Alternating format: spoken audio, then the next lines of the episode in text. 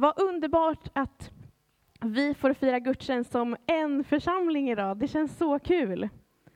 För er som inte känner mig så heter jag Evelina Svernedal. Jag jobbar här i församlingen som ungdomsledare och har min pastorspraktik här. Och jag är gift med Aron, om ni inte kände igen honom. Det är min man, han har klippt sig, lite ny look sådär. Han glömde säga sitt namn och jag kände så här, om han inte berättar vem han är så kanske det är någon som tar fel och sådär. Men det är i alla fall Aron. Och eh, som ni ser så är vi fortfarande inne i predikoserien Nådens gåvor. Vi har fått höra om profetians gåva, vi har fått höra om kunskapens ord, vishetens ord. Och det har varit så bra hittills och jag tror verkligen att Gud vill göra grejer i vår församling genom den här undervisningsserien. Och det här är gåvor som Gud har gett till oss genom den helige Ande. Eh, och idag ska vi få gå in i en väldigt spännande gåva som heter trons gåva. Som ibland har blivit, ja men vi har inte snackat så jättemycket om den för att den är inte lika cool som så här profetian och tungotalet. Men idag ska vi få gå in i den gåvan. Vi börjar med att läsa lite vad Paulus skriver i Korinthierbrevet, i första Korinthierbrevet. Han skriver så här. När det gäller de andliga gåvorna, bröder och systrar, vill jag inte att ni ska vara okunniga. Paulus vill att vi ska kunna saker om det här. Det finns olika nådegåvor, men anden är densamme. Det finns olika tjänster, men Herren är densamme. Det finns olika kraftgärningar, men Gud är densamme. Han som verkar allt i alla. Jag tänkte vi skulle börja där, för det här är väldigt spännande. För att som ni ser så har vi anden, det är ju heligande. Och så har vi Herren, och det är Jesus. Och sen har vi Gud. Vi har liksom treenigheten. Paulus börjar att berätta om nådgåvorna genom att berätta om vem Gud är. Gud är tre i en. Och treenigheten har alla olika uppgifter. Fadern är liksom skaparen, den som har satt igång allting. Jesus är frälsaren, den som har räddat oss. Och heligande är hjälparen som finns ibland oss nu. Heligande är Guds närvaro ibland oss här idag på, i ena kyrkan på den här gudstjänsten. Och det är samma Gud, men som har lite olika uppgifter. Och exakt likadant tror jag att det är med nådegåvorna. De kommer av samma ande, men har lite olika uppgifter. Och alla behövs. Så du behövs. Vi läser vidare. Men hos var och en visar sig anden så att det blir till nytta. Den ene får anden av ord av vishet, den andra får ord av kunskap genom samma ande. En får tro, det är det vi ska prata om idag, genom samma ande. En får gåvor att bota sjuka genom samma ande. En annan kan göra kraftgärningar, en får gåvan att profetera, en annan att skilja mellan andar, en får gåvan att uttala olika slags tungomål och en annan får uttyda tungomål. Men i allt detta verkar en och samma ande som fördelar sina gåvor åt var och en som han vill. Så vi har massor med gåvor. Alla behövs. Och det är helig ande som ger till oss, så vi kan liksom inte hundra procent själva bara plocka, jag vill ha det här, det här, det här. Utan det är anden som ger till oss. Och varje del av de här nådegåvorna behövs. Precis som att Jesus målar upp den här bilden av att församlingen är som en kropp. Varje del av kroppen behövs eh, för att bygga upp kroppen och det är församlingen. Vår församling här i Enköping och hela Guds församling över hela jorden. Eh, för ingen av oss har fått exakt samma gåva. Ingen har fått exakt samma uppsättning av gåvor. Eh, utan det är olika. Och det är anden som bestämmer. Och han gör lite som han vill. Och det är liksom ingenting som vi kan förtjäna. Det här behöver vi lära oss. Vi kan inte förtjäna de här nådgåvorna. Vi kan liksom inte bli de bästa människorna ever och få alla. Utan det är något som vi får av nåd. Precis som frälsningen. Vi förtjänar inte att bli frälsta. Men Jesus har räddat oss ändå, eller hur? Samma sak med gåvorna. Men det är någonting som vi kan be om. Och det är någonting som vi kan leva i. Och idag då, vi läste ju det i vers 9. Vi ska gå in i trons gåva. Och det här är lätt att blanda ihop med den här frälsande tron som jag pratade om. För alla vi här inne är ju frälsta. Vi tror på Gud. Vi liksom har den tron. Eh, utan det här är en annan del av tron som finns till för att bygga upp ett specifikt behov i Kristi kropp. Och trons gåva är liksom en tro som vi får från den helige Ande för någonting specifikt. Det är inte en tro som är grundad på liksom det vi har varit med om, eller det vi har sett, eller det vi har gjort, utan det är en övernaturlig tro som vi får för någonting specifikt, som liksom anden skapar i oss. Och jag måste förklara lite, för vårt svenska språk är lite vagt här. Alltså vi använder ordet tro lite konstigt. Alltså vi kan ju säga så här, jag tror det ska regna imorgon. Och det är ju liksom en så här liten undran eller fundering, eller kanske det kanske blir så. Men den här tron är inte den sortens tro. Eller typ, jag tror att jag kommer bli frisk, eller vi tror att pandemin kommer bli utplånad imorgon. Alltså så här, det är en tro som vi bara gissar. Den här tron, det är samma sätt som när vi säger jag tror på Gud. Liksom man vet att man vet att man vet. Så det är den sortens tro vi kommer att prata om.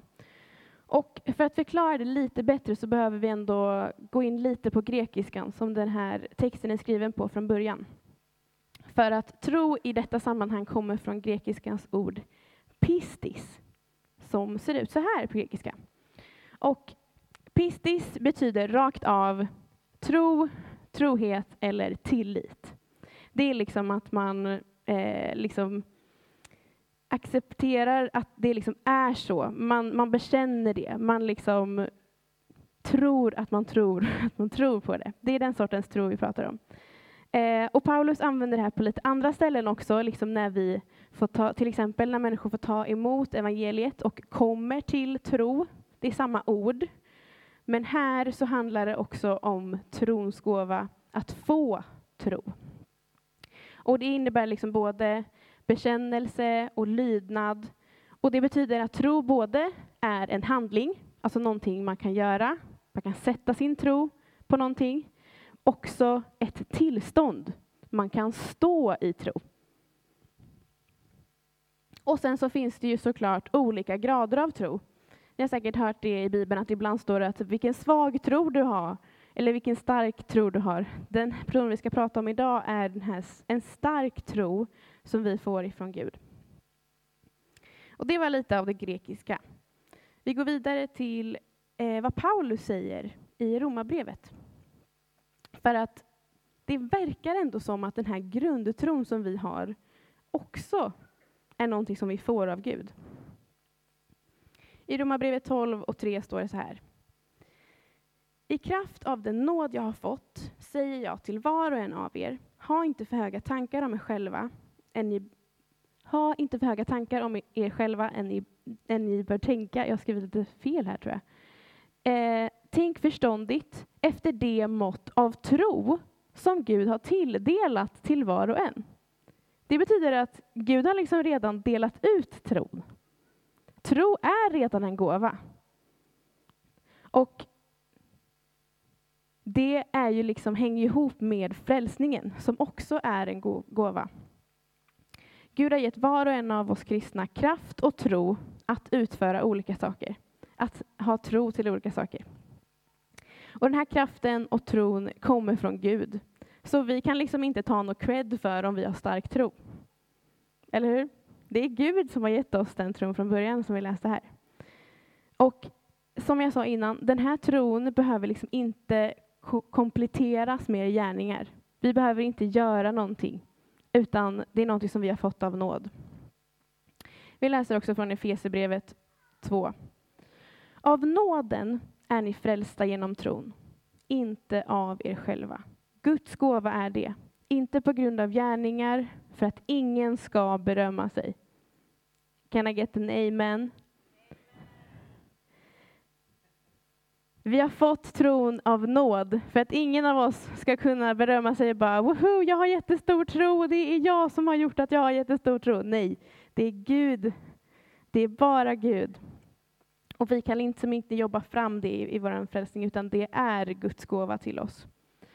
Och det här är ju liksom den vanliga frälsande tron som vi alla har byggt våra liv på. Och nu ska vi gå in lite mer i trons gåva.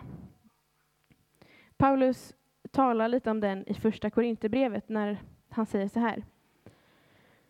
Om jag har profetisk gåva och vet alla hemligheter och har all kunskap, om jag har all tro så att jag kan flytta berg, alltså det är stor tro, men inte har kärlek, då har jag ingenting. Och här så överdriver ju Paulus, för det är ju liksom inte hans tro som kan flytta berg, utan det är hans tro på Gud, att Gud kan flytta berg. Eh, och han liksom överdriver för att få fram den här poängen, men han påstår att det finns en sån tro. Det finns en sån tro på Gud, att Gud skulle kunna flytta på Mount Everest liksom, och kasta den i havet, till exempel. Det är ett ganska stort berg. Men det finns en sån tro, och den tron kan inte vi liksom bygga upp i oss själva, utan vi får den från Gud. Och det är liksom den här övernaturliga tron. Det är liksom en speciell kapacitet att ha tro att Gud kan göra saker och möta människors behov. Och jag måste ändå säga det här, fast Christer har sagt det varje gång han har predikat. Men alltså, ser ni vad det står här? Om man inte har kärlek, då har man ingenting. Vi kan liksom inte fungera i Andens gåvor om vi inte har kärlek. Nådens gåvor funkar inte utan kärlek. Det grekiska ordet för kärlek här är samma kärlek som Jesus visar oss när han dör för oss på korset. Det är en utgivande kärlek för andra människor. Och det är något som vi kan leva i när vi, som blir liksom en produkt av att vi följer Guds bud. Älska människor och älska Gud. Det är den, i den kärleken som de här gåvorna har sin grund. Det är kärleken till Gud, kärleken till andra människor och kärleken till församlingen som är grunden till alla nådegåvor. Och det finns många exempel på det här i Bibeln, men jag tänkte jag skulle dra några. Eh, vi börjar lite i Gamla Testamentet. Vi har hängt där med ungdomarna i fredags. Vi körde en liten så timeline över Gamla Testamentet och vi hann inte riktigt komma hit. Så att nu, ni som var där, nu får ni liksom lite nästa del av Gamla Testamentet. Det är jättekul här på fredagar. Om det är någon som har tråkigt på en fredag kan ni komma hit och hänga med oss ungdomar, bara så att ni vet. Det är alla inbjudna. Nej, men det jag ska snacka om är Daniel. Ni kanske känner igen Daniel. Det är en sån klassisk bibel eller eh, söndagsskolestory. Daniel i lejongropen. Daniel hade en stor tro och jag är helt övertygad om att han hade trons gåva. Daniel levde i en tid för många tusen år sedan när hans folk de levde som flyktingar. De fick inte vara i sitt land. De hade liksom blivit stulna från sitt land och placerade på ett annat ställe i babylonska riket. Och de hade liksom fått ja, allting taget ifrån sig. De fick inte tillbe sin gud. Eh, men det hade ändå gått ganska bra för Daniel. Han, han hängde med kungen och liksom hade ganska bra ställning. Men oavsett att han hade en bra ställning så fortsatte han att be till Gud fast det var förbjudet. Och han gjorde det öppet också. Alltså han gick liksom inte in i så här en garderob och bad, utan han typ ställde sig i fönstret och bara, nu ska jag be till Gud. Liksom. Han var väldigt, väldigt öppen med det, fast det var förbjudet, vilket, vilket kanske inte låter så smart. Men han hade väldigt stor tro. Och för det här så blir han ifångatagen och kastad i en grop med hungriga lejon för att han ska dö. Alltså han blir typ avrättad fast eh, på ett väldigt hemskt sätt. Men grejen är att Daniel tar inte det här som ett nederlag. Han fortsätter be till Gud. Och han ber att Gud ska rädda honom från de här lejonen. Och jag menar, om jag var, eller om vi var i en lejongrop, hade inte ni varit lite rädda då att vi skulle bli uppätna av massa lejon? Alltså han bara sitter där, han ser lite rädd ut, det är inte så jättebra bild. Men jag tror att han inte var så rädd faktiskt. För han hade sin tro till Gud. Så när han hade suttit i den här lejongropen i en hel natt så kommer kungen och bara, vi måste ändå kolla hur det gick med min kompis Daniel. Liksom. Och då står det så här, när Daniel hade blivit tagen upp ur gropen kunde man inte upptäcka några skador på honom. För han hade trott på sin Gud. Visst är det bra? Jag tror att det inte var en mänsklig tro. Jag tror att han hade fått övernaturlig tro från Gud. Vad tror ni? Ja, det är bra. Trons gåva beskyddade Daniel så att lejonen inte kunde döda honom. Och på grund av det här så så liksom de bara, alltså den här snubbens Gud är ju på riktigt. Vi kan ju inte förbjuda dem att tillbe en Gud som är på riktigt. Så att eh, det, de tog bort det förbudet och det var massa som blev kristna. Och ofta så jobbar Gud så. Alltså de blev troende. De, de var inte kristna back then. Men eh, de, blev, de började tro på Gud. Ofta gör Gud så att när han gör någonting så kommer andra människor till tro. Det är så som Gud funkar. Vi ska kolla på ett annat exempel som finns i Lukas evangeliet, som är det nya testamentet. Eh, det handlar om Jesus. Jesus kommer in i en stad som heter Kapernaum. Så här ser det tydligen ut i Kapernaum idag. Jag kan tänka mig att det var mycket snyggare back then. Eh, och, men jag vill bara få så här, det var länge sedan, det var romarriket. Jesus kom med sina lärjungar in i Kapernaum och så kommer en romersk befälhavare fram till honom. Och det här var en ganska eh, eh högt uppsatt. Han var typ befälhavare över typ 100 soldater. Eh, och han var ganska omtyckt i det här området. Alltså judarna tyckte om honom för han hade hjälpt till att bygga synagogan och sådär. Så han verkade vara en ganska, en ganska reko kille. Och han kommer fram till Jesus och bara, min tjänare håller på att dö. Kan du bota honom? Och han verkar ju vara väldigt en fin man som bryr sig om sin, sina tjänare också. Och eh, Jesus går väl med på det. Och så går de till befälhavarens hus. Och befälhavaren säger så här, nej du behöver inte gå in här. Och grejen var att när, om en jude gick in i någons hus som inte var jude så blev de orena. Så det blev en väldigt så här, jobbig process av att då skulle han behöva rena sig och det skulle bara bli... Ja, så han säger liksom av respekt, du behöver inte gå in här. Du behöver bara säga ett ord så blir min tjänare frisk. Och det var för att den här befälhavaren hade fattat vem Jesus var. Han hade fattat att Jesus hade ganska mycket, alltså han var också som en befälhavare. För att om Jesus sa ett ord på samma sätt som när den här befälhavaren sa ett ord, så liksom hände det för att folk tog befälhavarens order. Han visste hur det funkar. Och, eh, så han trodde att när Jesus sa ett ord så skulle den här mannen bli frisk utan att Jesus behövde lägga händerna på. Och här så blir Jesus, vår frälsare och Gud, förvånad han bara, va? Hur mycket tro har du? Och det är liksom, vi vet bara två gånger som Jesus blir förvånad och här är en av dem. det är så bra. Den här killen hade så mycket tro att han gjorde Jesus förvånad. Jag tänker att det måste väl vara trons gåva, eller att man liksom har så mycket tro att Jesus blir förvånad. Eh, för Jesus har ju liksom koll på det mesta. Även när han var människa så hade han ju koll på det mesta. Liksom. Och Jesus är så paff, han bara, Alltså inte ens bland judarna, som ändå tror på Gud och så, så har jag funnit någon som har så stark tro som du. Och eh, när befälhavaren kom hem så var ju hans tjänare frisk. Liksom. För att Jesus kan ju göra under utan att man behöver lägga händerna på så. Utan han behövde bara säga att det blev så, så blev det så. Och alltså den här befälhavaren hade lätt trons gåva. Och Gud ger oss en så stark tro när det behövs. Jag är övertygad om det. Och här ser ni också en annan grej i trons gåva, att det förmedlar tro till andra. Ja, alltså jag är övertygad om att både befälhavaren och liksom, alltså för att han hade så stark tro, att alla runt omkring också fick så stark tro. Jesus fick stark tro, Jesu lärjungar lär ju fått stark tro, den här tjänaren lär ju fått starkare tro, eller hur? Det, det sprider sig som ringar på vattnet. Och det finns flera exempel på det här. När man börjar se saker, alltså bläddra i era biblar, då kommer ni se att på fler, det finns ofta när människor har trons gåva. Och jag tror också att ni kan börja tänka i era egna liv.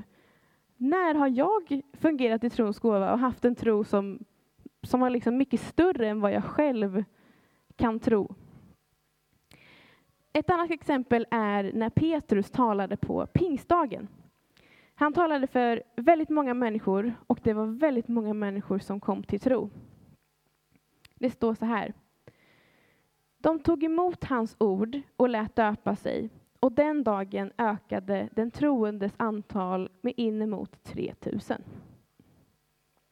Det där tror jag är trons gåva. Han hade så stark övertygelse och när han predikade för andra så kom andra människor till tro. Det väckte och förmedlade tro i, in i andra människors liv. Och det är inte så konstigt, för att det står ju också i Bibeln att tro förmedlas genom predikan. Vi läser från Romarbrevet 10.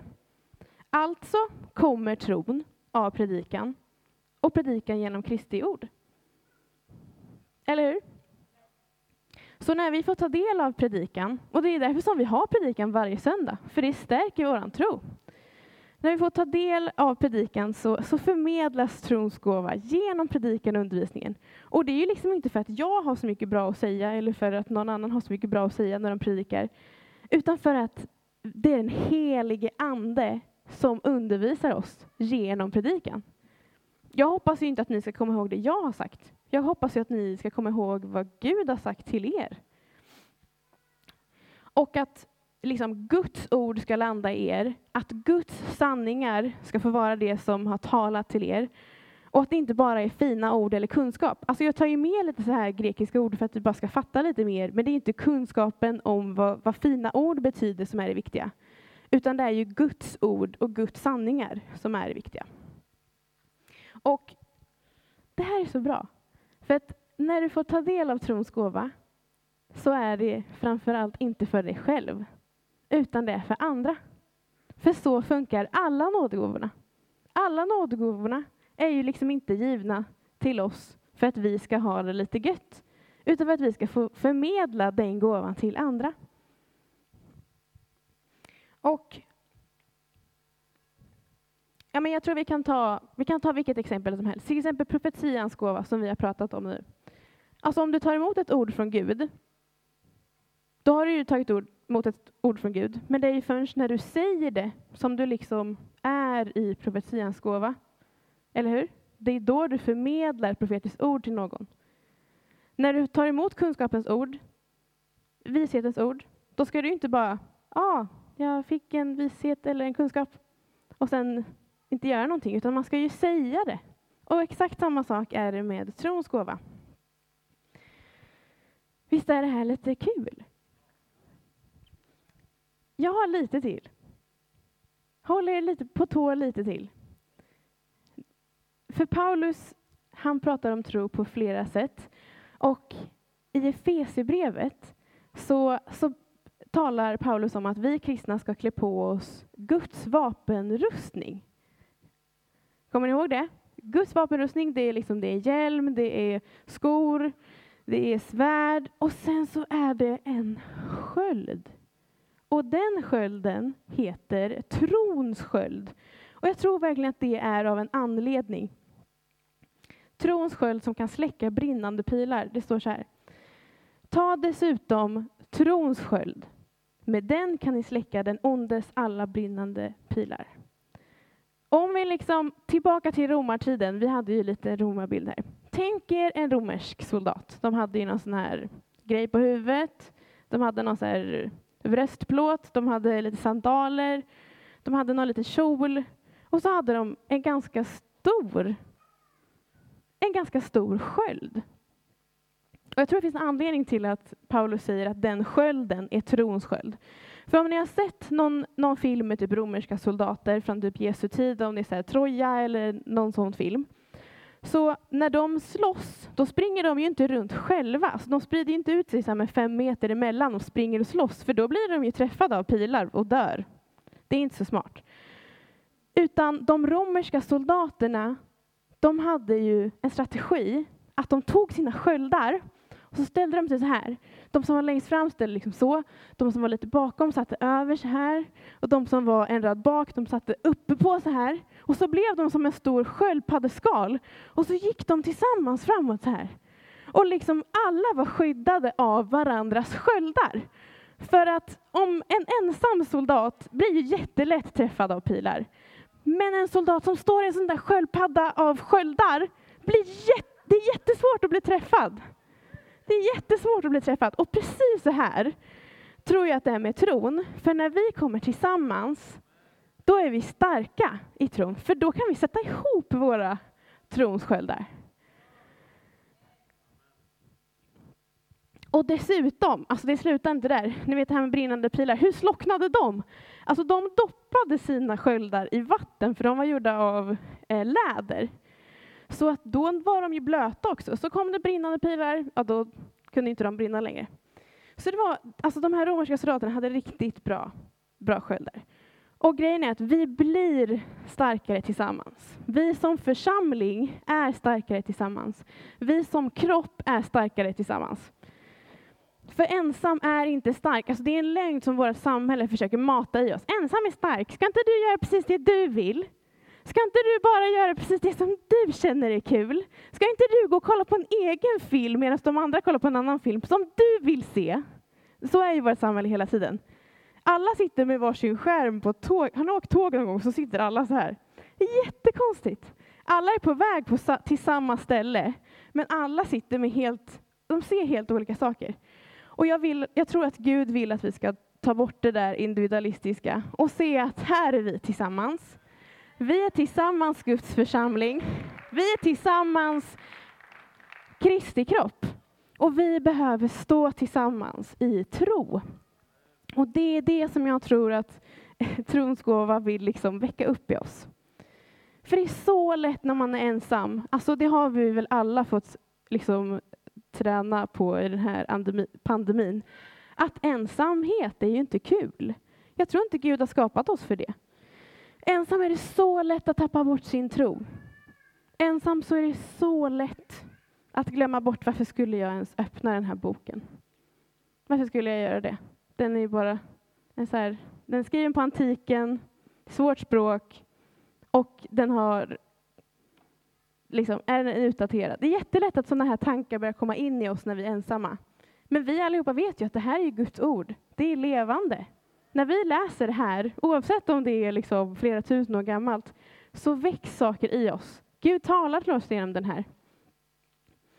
Okej, men hur känner vi igen trons gåva i våra liv? Då, då rent konkret.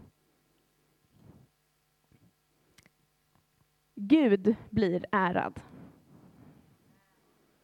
När vi har, när vi har trons gåva i våra liv, då blir Gud ärad genom att vår tro stärks.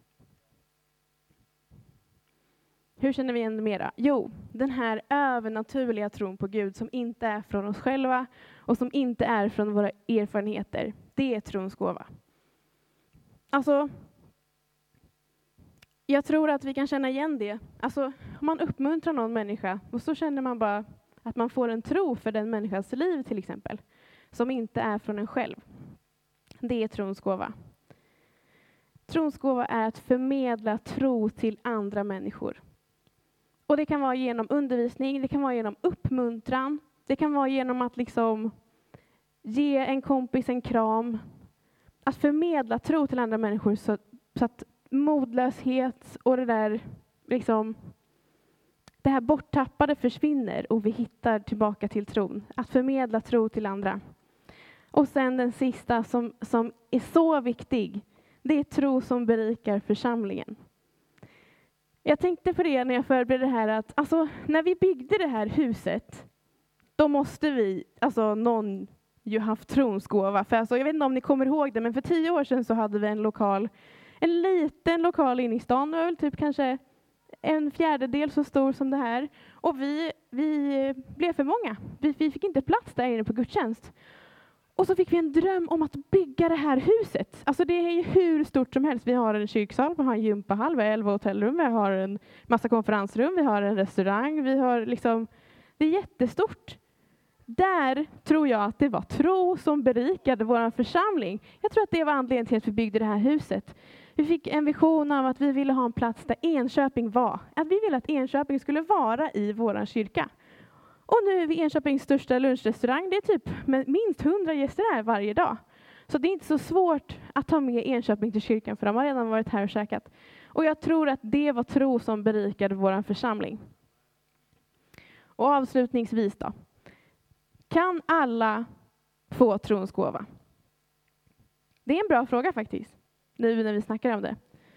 Ja, men jag tror att alla människor är skapade med gåvor. Gud har skapat oss och han har format oss och lagt ner olika saker i våra liv. Vissa är bra på det här, vissa är bra på det här. Han formar oss. Och sen genom våra liv så kan vi växa i våra gåvor. Vi kan växa genom att läsa Guds ord, vi kan växa genom att ta nya steg i tro. Vi kan växa eh, på många sätt tillsammans med Gud.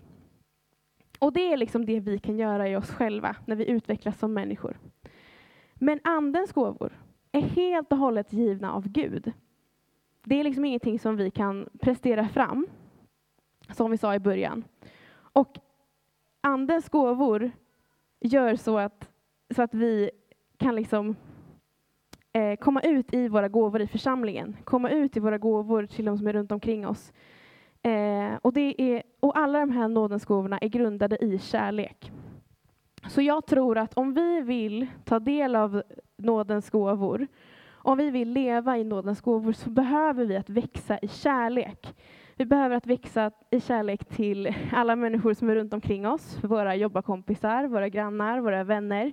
Vi behöver växa i kärlek till vår församling, växa i kärlek till enakyrkan, kanske eh, både i våra hjärtan och i vad vi gör.